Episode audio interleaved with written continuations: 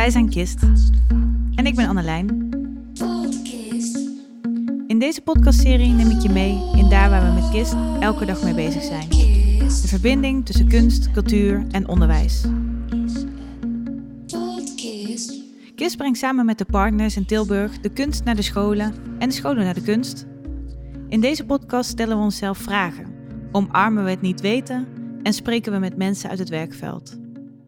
In deze aflevering spreek ik met Jacqueline Hamelink over hoe krachtig muziek als middel is om te verbinden en hoe een kunstwerk kan ontstaan tussen mensen. Jacqueline is celliste, performer en artistiek leider van Stichting Sounding Bodies. Jacqueline is gespecialiseerd in artistiek onderzoek op gebied van aandacht, contact maken en deep listening. De roots van Sounding Bodies liggen in de culturele sector, als makers van muzikale en multidisciplinaire theatervoorstellingen. Daarnaast hebben ze ook een sterke maatschappelijke visie en missie. Muziek gebruiken ze om mensen weer echt contact te laten maken met zichzelf en anderen. Ze maken impact met zacht activisme, empathie en affectie. Verleggen de focus van afleiding naar aandacht, van oppervlakkigheid naar verdieping en van versplintering naar concentratie. Jacqueline, je bent celliste, maar ik doe je tekort als ik je alleen zo noem. Want hoe kun jij wat je doet, wie je bent als maker, het beste omschrijven? Goh, dat is meteen de moeilijkste vraag misschien. maar als ik me gewoon heel standaard voorstel, is het dat celliste, performer en maker. En uh, dat ben ik binnen Sounding Bodies, dat is de organisatie waarin ik mijn eigen voorstellingen vorm mag geven, waar ik artistiek leider ben. Voor mij is het altijd het belangrijkste dat ik contact maak. Ik denk dat alles eigenlijk wat ik doe en waar ik voor sta, in wat ik maak, erom draait dat er echt contact tot stand komt. Onze missie is om via muziek inderdaad hè, contact te maken, zodat je ook in contact komt met jezelf en met anderen of de wereld om je heen. Misschien zelfs op een andere manier naar gaat kijken. Ja. Hoe is die liefde voor die cello bij jou ontstaan? Die is ontstaan op de voorste rij van de kerkbank, waar mijn vader uh, eindexamen deed, koordirectie. Er zat een groot orkest en een koor. En uh, daar zag ik voor het eerst een cello. En uh, ik was op slag verliefd. en dat is nooit meer overgegaan. En van diezelfde manier die ik daar voor het eerst heb zien spelen, heb ik ook mijn eerste cellolessen gekregen, omdat het een collega van mijn vader was. Ah. Ja. ja. Op slag verliefd? Ja, het was echt een bliksemschicht. Oh, wauw. Ja. ja, ik wist het meteen. Daarvoor had ik wel een beetje zo een beetje geflirt met de harp en met de gitaar. Maar toen ik uh, dat zag, toen dacht ik, nee, dat is het. De cello moet het zijn. De cello moet het zijn. Ja, en hoe is dat dan verder ontwikkeld? Ja, ja gewoon op de muziekschool begonnen met celloles. Niet eens de allerbeste student. Ik weet nog wel dat mijn leraar uh, regelmatig een rood hoofd van ongeduld kreeg en irritatie. Omdat ik, ja, ik was heel talentvol, maar ik deed eigenlijk niks. dus dat vond hij natuurlijk niet zo goed. En ik had ook een, een rare gewoonte om overal mijn eigen draai aan te geven. Als er een stuk heel snel moest, dan zei ik ja, maar ik vind het langzaam mooier. En dan deed ik het zo. Dus ik was een beetje eigenwijs toen al. Maar ik, ik, kon wel al meteen, was ik heel erg op zoek naar ja, die toon. Dat zei hij ook al toen jij die eerste toon streek. Toen wist ik al, oh ja, daar zit talent achter. Want je ging meteen kijken van, gewoon dat het die toon heel mooi ja, klonk. Of dat je zocht naar een kern die uh, communiceerde. Dat werd meteen opgemerkt. Dat, Ja. dat op een bepaalde manier zo door jou gespeeld werd. Dat dat bijzonder was. Op een gegeven moment moest je een keuze maken natuurlijk. En toen ehm, moest ik kiezen. Dat vond ik heel moeilijk, want ik wilde ook naar de kunstacademie. En ik wilde ook naar de toneelschool. En ik wilde, als ik naar het conservatorium ging, ook opera studeren. En ehm, misschien heb ik de keuze gemaakt voor het conservatorium omdat mijn vader ook muzikant is. Dat het dan toch het meest thuis voelde, dat weet ik eigenlijk niet. Dus auditie gedaan voor cello en voor opera. Voor alle twee aangenomen, maar ze zeiden ja, dat kan niet, dat is te veel. Dus ik moest dan nog een keer kiezen. Oeh, wat moeilijk. Nou ja, ik vond het heel moeilijk en ik ben achteraf wel gewoon heel blij dat ik conservatorium heb gedaan. Want ik ben iemand, eh, ik kan niet tegen oppervlakkigheid. Ik hou van ergens diep induiken en daar helemaal voor gaan. Ja. Alles van uitpluizen, alles kijken wat ik te weten kan komen. Dus in die zin past het conservatorium heel goed bij mij. En eh, daarna ben ik toch alles weer zelf gaan doen. Nou ben ik nog hè, met theater bezig, met dansen. Met, ja, alles is toch weer samengekomen. Dus, ja, je hebt dat niet losgelaten. Ik heb het eigenlijk niet losgelaten. Ik heb er gewoon op een gegeven moment helemaal mijn eigen weg ingevonden. Mijn eigen draai ingevonden. En echt gekeken wat er het meest bij mij past. Dat is wel nou een hele korte weg die ik vertel zo. Dat is natuurlijk heel veel stappen ertussen. Maar uh, ja, eigenlijk alle elementen die ik als kind al in me had... die zijn toch gewoon weer samengekomen later in mijn carrière. In alle dingen die ik doe. Ja. Ja. Überhaupt zo'n instrument leren bespelen. Hè, daar kom je zoveel van jezelf in tegen op positieve en negatieve manieren. Want je moet, ja, als je er niet in investeert, dan gebeurt er niks. Dus het is, jij doet het uiteindelijk. En dat is eigenlijk, dus ja, je leert doorzettingsvermogen, je leert uh, met tegenslagen omgaan, je leert uh, hoe, hoe het is om, om je concentratie op te moeten bouwen of hoe dat dan niet werkt. Je, je leert uh, het is heel leuk om met mensen samen te moeten spelen. Dus het is ook een communicatie zonder woorden. Je leert. Um, ja, ik vind het heel leuk dat ik echt luisterend in de wereld sta. Dat merk ik soms als ik praat over hoe ik. Dat ik echt anders ben in die zin, zodat je, dat je de wereld anders uh, beleeft. Maar ook de vriendschappen die je krijgt door het samenspelen. Wat er gebeurt tussen twee mensen of meerdere mensen die dat doen. Dat is echt heel bijzonder. En het, het is ook iets wat altijd van jou is. En in mijn geval, als, nou ja, heb ik al een beetje aangegeven als kind. Ja, was het mijn beste vriend. Hè? Zo, ehm, het is eh, jammer dat ja, ik speel cello en als ik ga huilen, dan die lak kan daar niet zo goed tegen. Dus daar moest ik altijd maar van die van ja. Dus dat je gewoon als je, je heel verdrietig voelt of heel blij, dat je gewoon kunt spelen dat dat dan klinkt dat, van binnenuit zo. Dat is iets heel bijzonders. En de, ja, ik ben echt wel toch wel heel blij uh, als je dat nou zo vraagt. Dat ik, ja, dat ik een instrument speel. En nog steeds dat het ook de cello is. Dat past nog steeds het wel het meeste bij mij. Maar uh, ja, dat, wat dat, wat dat je brengt en een constante in je leven is, dat is ook echt heel waardevol. Ja, mooi dat je zo open bent blijven staan dan ook, hè? Voor al die andere disciplines. en dat die er eigenlijk zo natuurlijk voor jou bij horen. Ja, nou, dat vind ik sowieso een natuurlijkheid om echt open te blijven staan. En ik zeg soms wel dat het lijkt er wel op of ik mezelf gewoon iedere keer opnieuw uitvind. En iedere keer, en dat vind ik dan wel heel spannend. Maar uh, je hebt heel veel talenten als mens ook en heel veel kanten die je kunt ontwikkelen. En ja, ik vind het zonde als je bij één ding zou blijven. Voor mij in ieder geval. Ik, ja. Uh, ja. Eén ding wat je net eigenlijk al in één van je eerste zinnen zei, is, mhm. is dat stukje verbinding zoeken. Ja.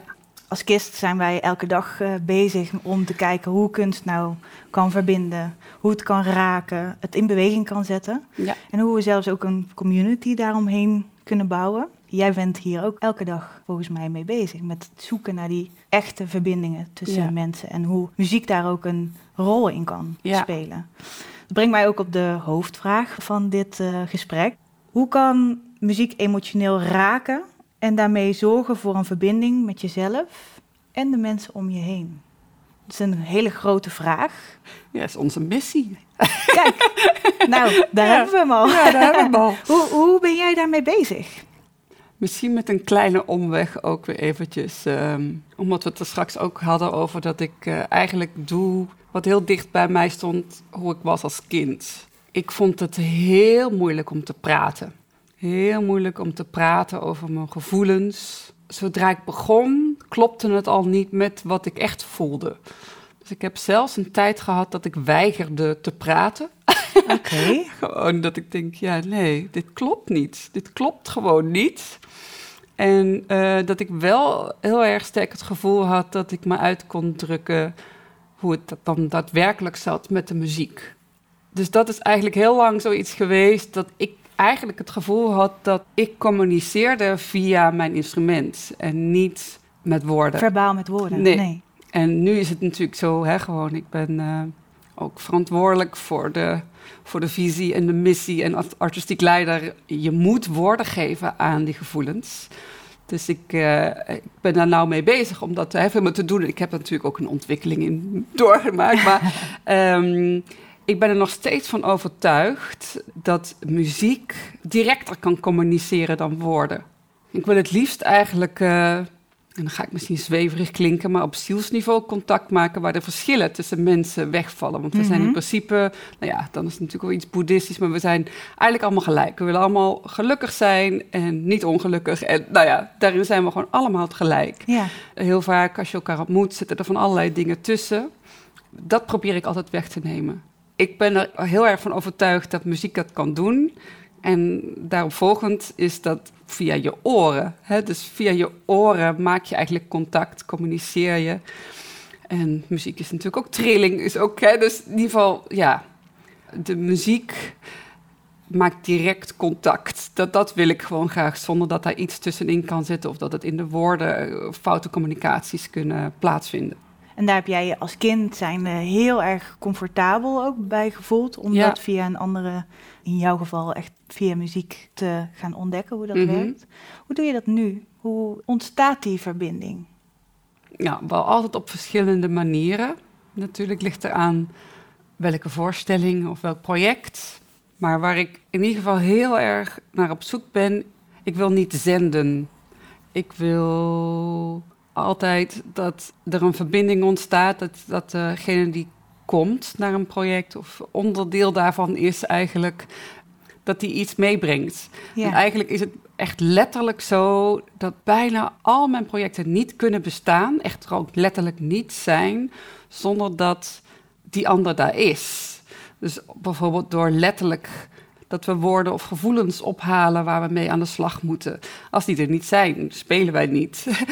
of door um, in een andere voorstelling waar ik één op één sessies uh, doe met de muziek van Bach, waar ik dan vraag van hoe gaat het met je en waar heb je behoefte aan? En dat er op dat moment pas een stuk gekozen kan worden die daarbij past ik zal nooit zomaar ergens Bach gaan spelen, weet je, zonder dat die, die verbinding is. Ik, ik zoek altijd naar ehm, hoe diegene die komt daar op soort persoonlijke verbindenis mee aan kan gaan. Ja. Heel persoonlijk. Ja, je doet eigenlijk een stap naar elkaar toe. Ja. Dus de, een komt met een bepaald gevoel.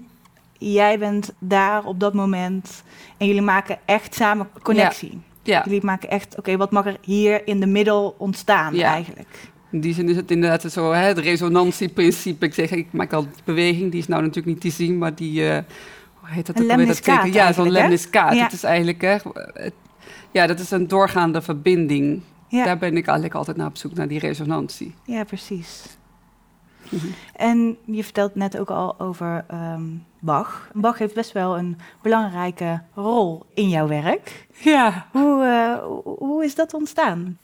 Eigenlijk toevallig. Ik las een, uh, een boekje van mijn vader over uh, praten als brugman, waar het heel erg over de retoriek gaat. En daarin kwam muzikale retoriek uh, te sprake, wat Bach gebruikt.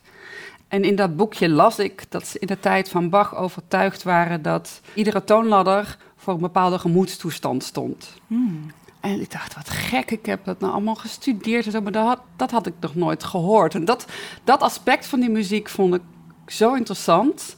En um, ben ik heel veel gaan bestuderen. Ja, Bach leefde natuurlijk een hele gekke tijd. Het is het begin van de verlichting, waarin ook voor het eerst menselijke gevoelens belangrijk worden.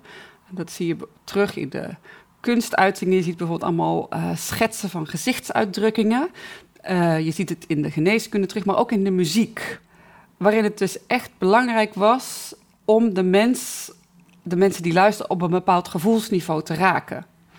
En ik kom dan even weer terug. Hè. Je hebt uh, nou, de een retorisch betoog. Nou, dat werd echt letterlijk vertaald naar muziek. Oh, maar dan dus niet om jou van zijn mening te overtuigen, maar om dat, ja, om dat gevoel te bewerkstelligen. En dat vond ik zo fantastisch. ik denk, ja. Dus eigenlijk is dat hele, al die projecten rondom Bach, is van mij de letterlijke vertaling van de hele theorie en de techniek en de tijdsbeeld eigenlijk van Bach, zonder dat je het allemaal hoeft te weten. Ja. Maar wel uh, dat ik wilde laten voelen waarom die muziek eigenlijk zo communiceert. Want het is eigenlijk gewoon dus een gesprek. Hè? En wat ik zo mooi vind, is natuurlijk ook als je praat met iemand, dan ook al zou je hetzelfde gesprek hebben, nou misschien niet of stel je voor, je vertelt een verhaaltje. Je vertelt een verhaaltje iedere keer, maar er zit een ander kind of een andere volwassene voor je. Zal je toch iedere keer andere accenten leggen en zal het altijd een ander verhaal zijn of een ander gesprek. Ja. En dat is bij die muziek ook. je speelt dezelfde noten, maar het gesprek is anders, omdat die resonantie tussen die twee personen op dat moment totaal anders is. Ja, ja. Omdat diegene iets anders met mij in dit geval, hè, als ik het zelf speel, heeft gedeeld. Dus zo is het eigenlijk ontstaan doordat ik een boekje las van mijn vader. Ja, mooi. dat is, uh, een heel klein, heel klein moment wat heel groot meegenomen is, maar ook meteen dus raakt aan jouw visie, aan, je, aan, jou, ja. aan, aan dat diepe verlangen om te verbinden. Ja. Dat, dat draagt daar ook, ja, Bach draagt daar ook echt aan bij. Ja, ja, en het is heel grappig eigenlijk, want ik geloof dat ik Sounding Bodies in december 2011 heb opgericht. Het is een van mijn eerste projecten die ik heb gedaan en het speelt nog steeds. En het heeft allerlei verschillende vormen ondertussen gekregen ik heb dan achteraf hè, in retrospectie ook kunnen zien, ja, terwijl het is wel een van mijn signatuurvoorstellingen. Dus wat ik daar doe, dat is ook inderdaad hoe ik graag maak en wat ik belangrijk vind. Dus uh, ja, het raakt aan de kern, zeker. Kun je ons eens meenemen in, in zo'n bepaalde vorm, in, in een van je projecten? Hoe dat eruit ziet? Wat beleeft degene die bij jou komt? Wat beleef jij? Ik gebruik dan eventjes nu het voorbeeld van de Bach Kliniek. Dat is een... Uh, ja, het is een voorstelling zou je kunnen zeggen. We spelen op festivals, maar ook daarbuiten. Als we op een festival spelen, dan schrijf je je in voor een tijdslot. En we zitten altijd op een locatie. We nemen een gebouw helemaal over. Want je gaat één op één met die muzikant iets ervaren. Maar als bezoeker heb je een afspraak gemaakt. Dan word je ontvangen door een Bach-assistente die je allemaal uit gaat leggen. Weet je wat je te wachten staat? Dan vul je een formulier in waarin je aan kunt geven waar je op dit moment bent, hoe je voelt en allerlei behoeftes kun je aankruisen. Je kan een, verschillende, je kan een behandeling kiezen. Voor mij is het altijd heel erg belangrijk dat, uh, dat je zelf eigenlijk de mate van nabijheid kunt bepalen. De behandelingen heten Bach Classical, Bach Multiple Senses en Bach Total Surrender. En daarin probeer ik te vervatten dat je al een beetje kunt denken: oh ja, in, in de in de naam zelf zit al een beetje dat je voelt wat het zou kunnen betekenen. hè? Zoals ik, nou, ik geef me er helemaal over. Nou, dan weet ik, oké, daar ga je. Hè? Dan, ja. Dus dat geef je aan. Je, je kan ook aangeven of er iets is waar, je, waar we rekening mee moeten houden. Nou, de Bach-assistenten gaan vervolgens alle gegevens verwerken en die verwijzen je toe naar een van de muzikanten, de Bach-specialist. En die komt je dan ophalen en bekijkt je formulier en neemt je mee naar de kamer daar heb je nog even een klein gesprekje om nou, de, hè, de woorden die ingevuld zijn, om die nog een klein beetje, toch nog wat context te geven. Soms kan je dan nog wel iets verder komen. En zelfs op dat moment wordt het dus pas bepaald door de muzikant wat hij gaat spelen. En nou, je installeert jezelf, dan ga je als muzikant concentreren op wat degene met je hebt gedeeld. En uh, dan ga je spelen en daarna uh, is er altijd een heel mooi gesprek eigenlijk. Ja. en um, als dat uh, klaar is, dan ga je, mag je weer terug naar de Bach-assistenten, waar je nog heel eventjes kunt verblijven, alles kunt verwerken. En daar hebben we ook een formulier voor gemaakt. Dat uh, kan je helpen om nog wat uh, even na te voelen. En dan ga je weg als jij eraan toe bent. Want sommigen zijn echt een beetje van de kaart. En als je erbij, zeker als je op een heel druk festival zit en je hebt net even zoiets heel intiems meegemaakt, wil je soms niet meteen al het festivalgedruis in. En maar dat is bijvoorbeeld een, uh, een verloop van een voorstelling. Ja. Als ik het analyseer, je hebt dus altijd een soort voortraject. Mm Ik probeer altijd te denken, wat hebben mensen eigenlijk nodig? Uh, wat voor vragen kunnen er eventueel nog zijn? Wat, welke onzekerheden nog? Welke kan ik al wegnemen, zodat degene, als ze eenmaal in die kamer zitten, één op één bij degene, dat ze zich echt over kunnen geven aan het moment. En het ja, zal zeggen, het cadeau ook kunnen ontvangen. Want daar moet je een soort van leeg voor kunnen zijn. Hè? Als je nog vol zit met van ja, gaat er hier gebeuren? Dan, dan is het lastig. En daarna ook weer dat je even een moment hebt van... goh, wat is er nou eigenlijk gebeurd? Dus ik geloof dat dan zo'n traject heel erg belangrijk is. Ik zou mensen nooit zomaar paf in een voorstelling gooien of zo. Dus, ja, Nee, er mag ook een bepaalde manier van veiligheid Ja. zijn. Of die, die is eigenlijk essentieel, denk ik, Ja. om, om je ook over te geven Ja, aan, De, zeker. aan de situatie. ja. Hoe is dat voor jullie als, als, als muzikanten? Het lijkt me heel bijzonder om elke keer iemand voor, voor je te krijgen met een andere energie, met een ander verhaal. Wat gebeurt er op het moment dat je speelt met jou en jouw gast? Ja, ik vind het eigenlijk toch altijd iets magisch. Ik vind het altijd zelf. Ik spreek nou even voor mezelf. Maar ik, omdat ik het dan ook alleen deed. Maar ik merk het ook aan mijn medemuzikanten. Maar dat kan ik misschien hè, straks vertellen. Maar het is iets heel. Ik vind het zo iets, een cadeau van mijzelf eigenlijk ook. Is dat mensen zo open zijn. Dat ze zo mij willen vertellen waar ze op dit moment zijn. Vind ik heel mooi. En dat koester ik ook. Het is echt zo'n zo'n een heel kwetsbaar moment tussen twee mensen. En ik vind het altijd belangrijk, als muzikant ben je zelf ook kwetsbaar.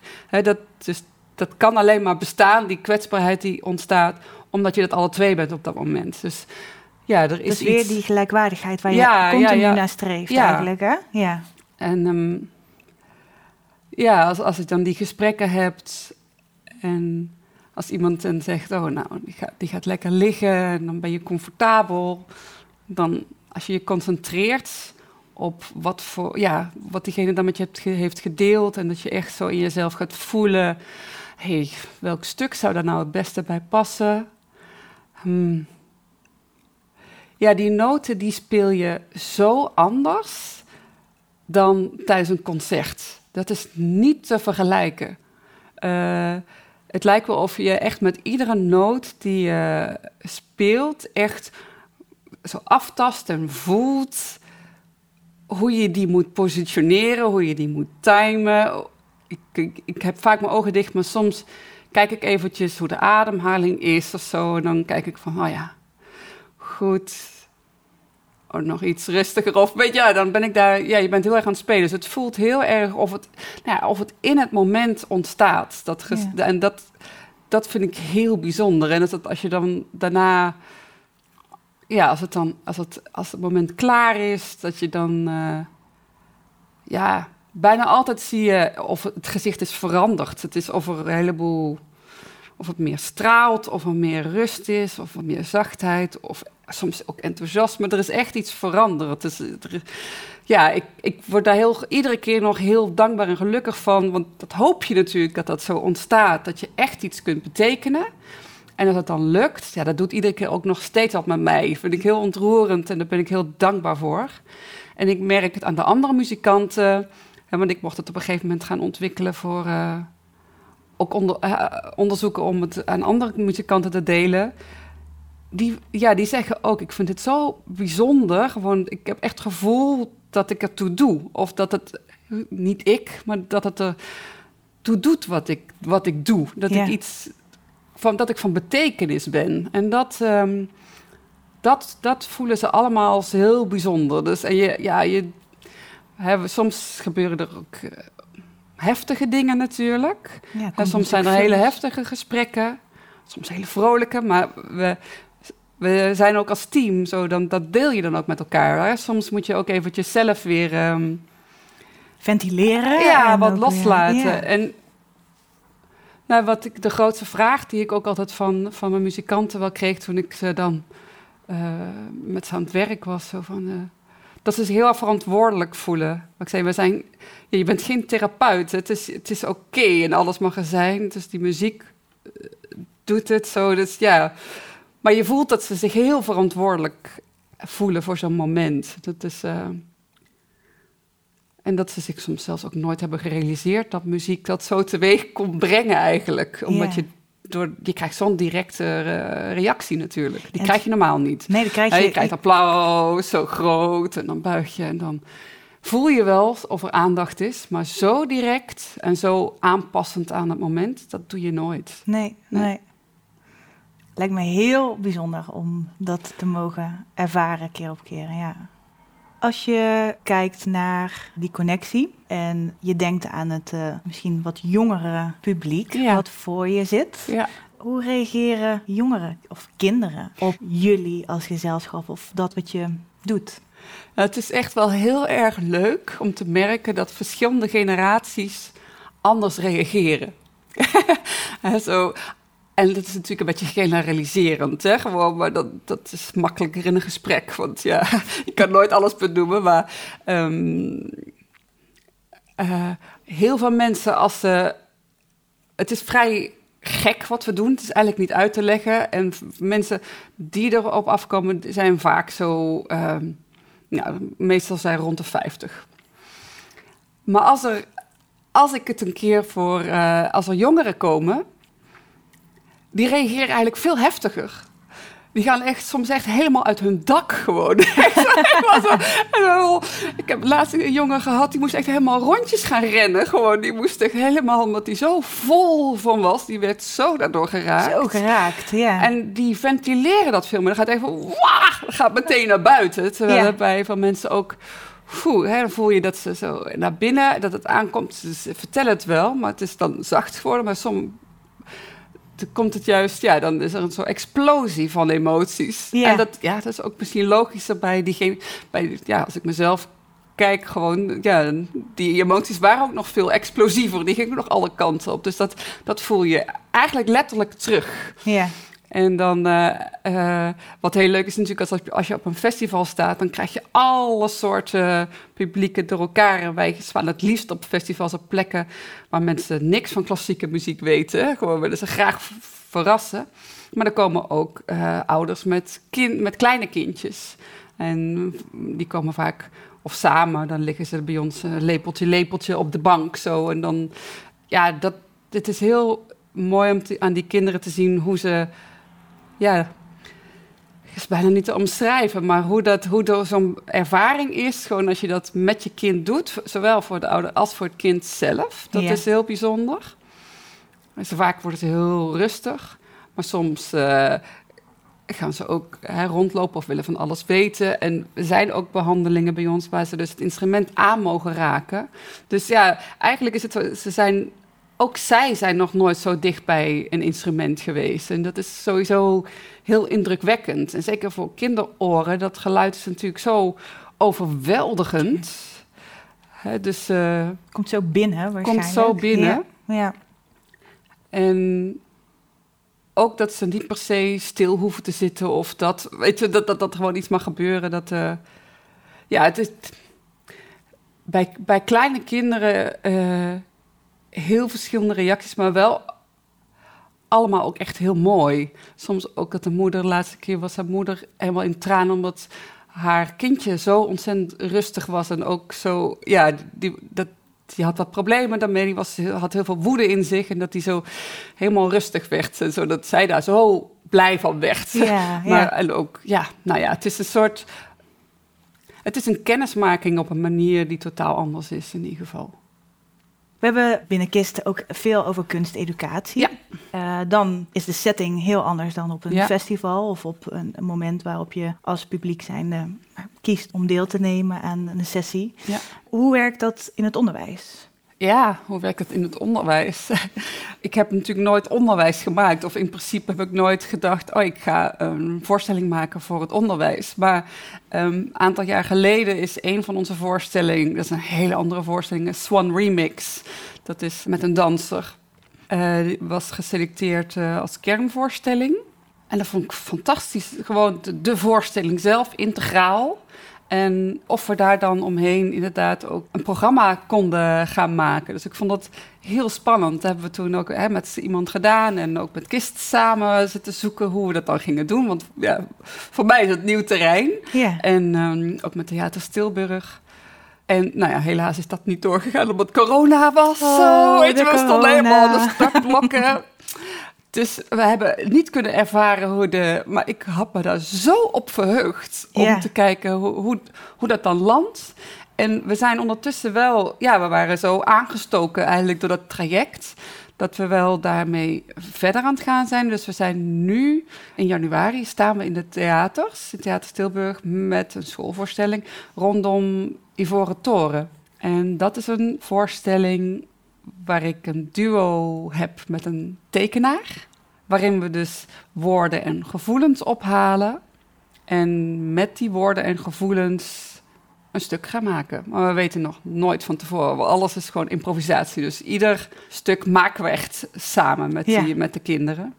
Ik gebruik in dit geval dan ook een loopstation. Ja. Dat is een, een, apparaat waar ik mezelf mee op kan nemen, zodat ik ook net als een schilderij eigenlijk laag voor laag op kan bouwen.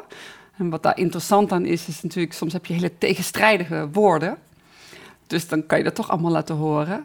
En uh, ja, in de muziek, soms krijg je hele mooie muziek als het uh, harmonieuze woorden zijn, maar soms kan het ook best wel toet, piep, knor zijn. Maar omdat ze het zelf hebben gegeven, snappen ze het wel. Zo, dat de, en, uh, en de tekenaar gaat daar ook mee aan de slag. En de tekenaar is ook versterkt met een klein microfoontje zodat hij ook echt, als, hij begint, hoor je ook het krassen. Dus we zijn echt een, een duo-partner. En de tekening wordt geprojecteerd op een scherm, zodat je die ja, kunt zien ontstaan.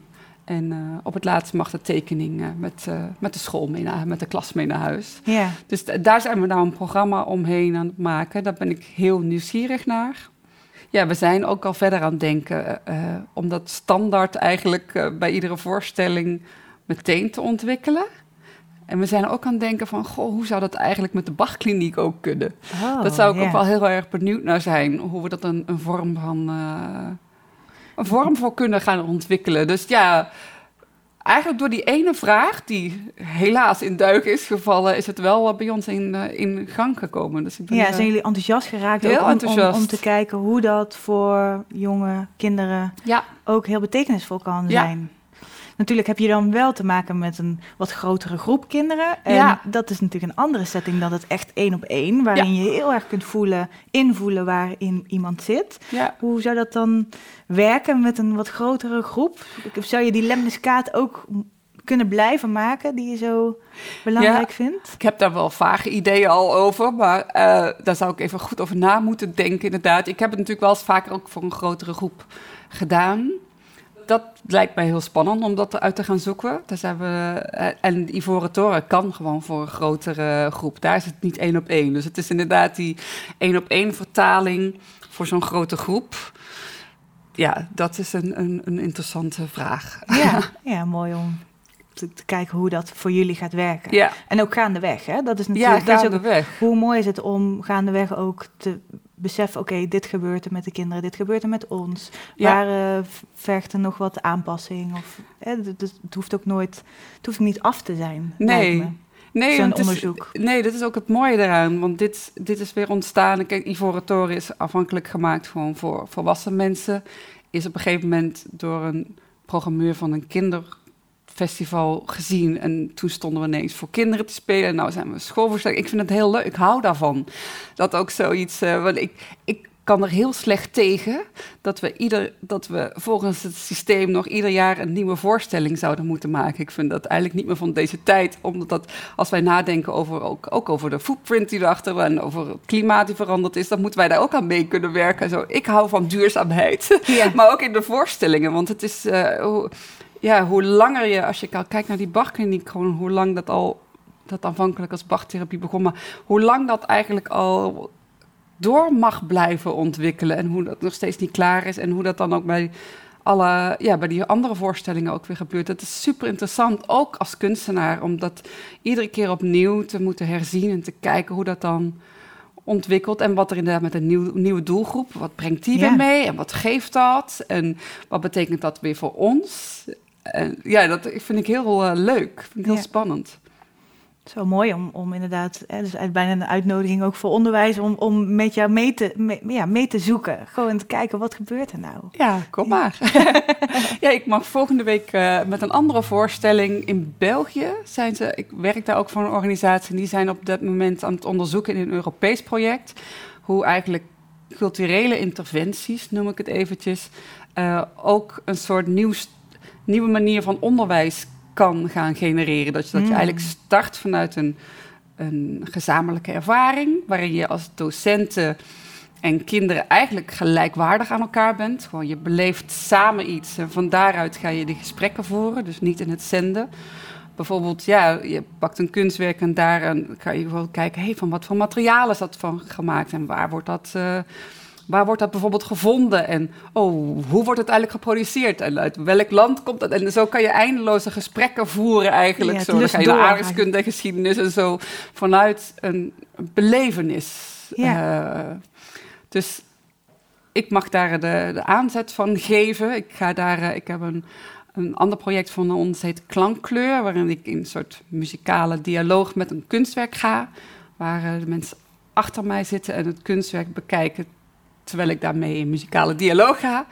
En dat ga ik dan eh, in scholen uitproberen. Dus ik vind het Spannend. heel leuk. Ja, ik ben heel nieuwsgierig. Ik ben vooral heel nieuwsgierig naar eh, wat dat losmaakt bij de kinderen.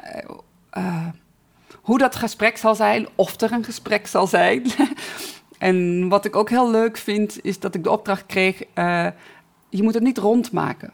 Je, moet het gewoon, het, je mag het gewoon als een zaadje doen en laten, laten groeien. Dus ik hoef daar niet als een soort eh, een lesprogramma te maken, wat van A tot Z en daarna een punt heeft. Het gaat echt om wat brengt het teweeg en hoe eh, gaat dat verder? Hoe kunnen zij daar verder mee? Ja.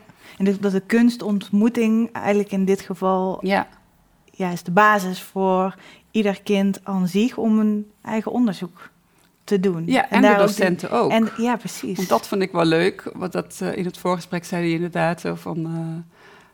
eh, eh, docenten die moeten vaak ja, zenden. Hè, zo, het gaat heel erg vanuit het praten.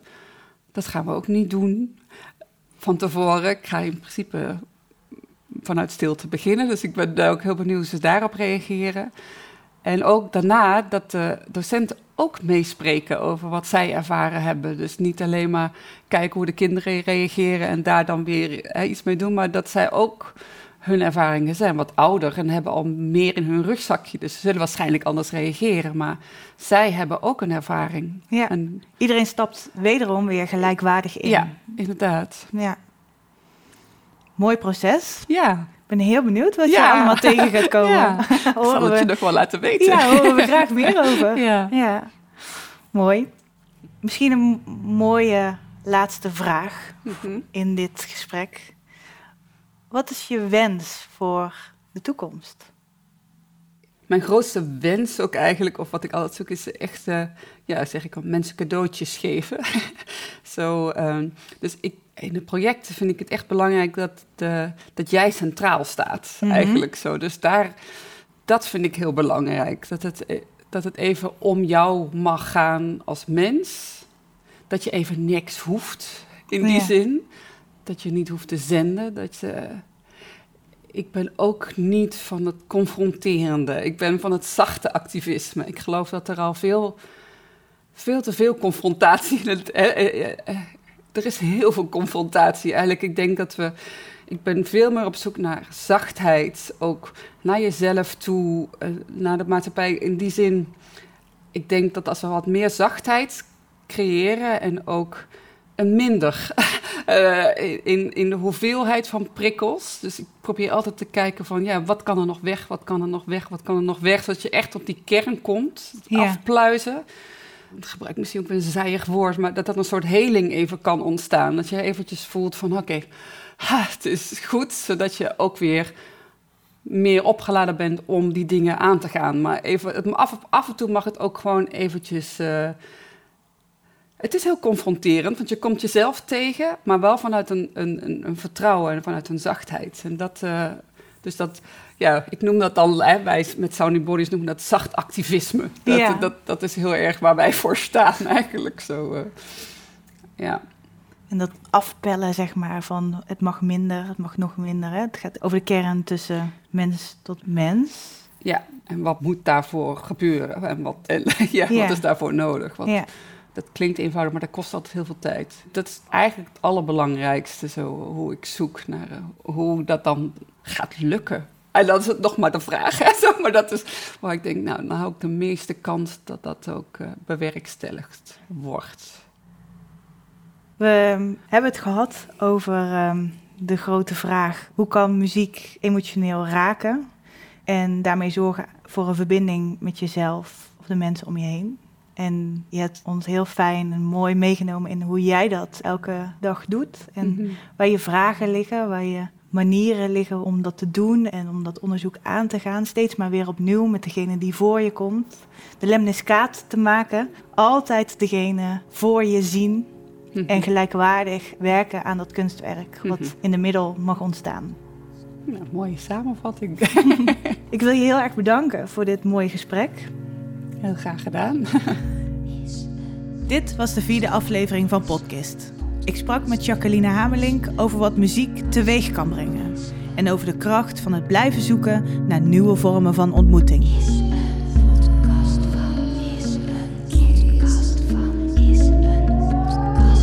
Podcast is een podcast van Kist. Dankjewel voor het luisteren. Wil je nog doorpraten over deze podcast? Of kunnen we met je meedenken? Vind ons online op de verschillende kanalen. Tot de volgende keer. Podcast.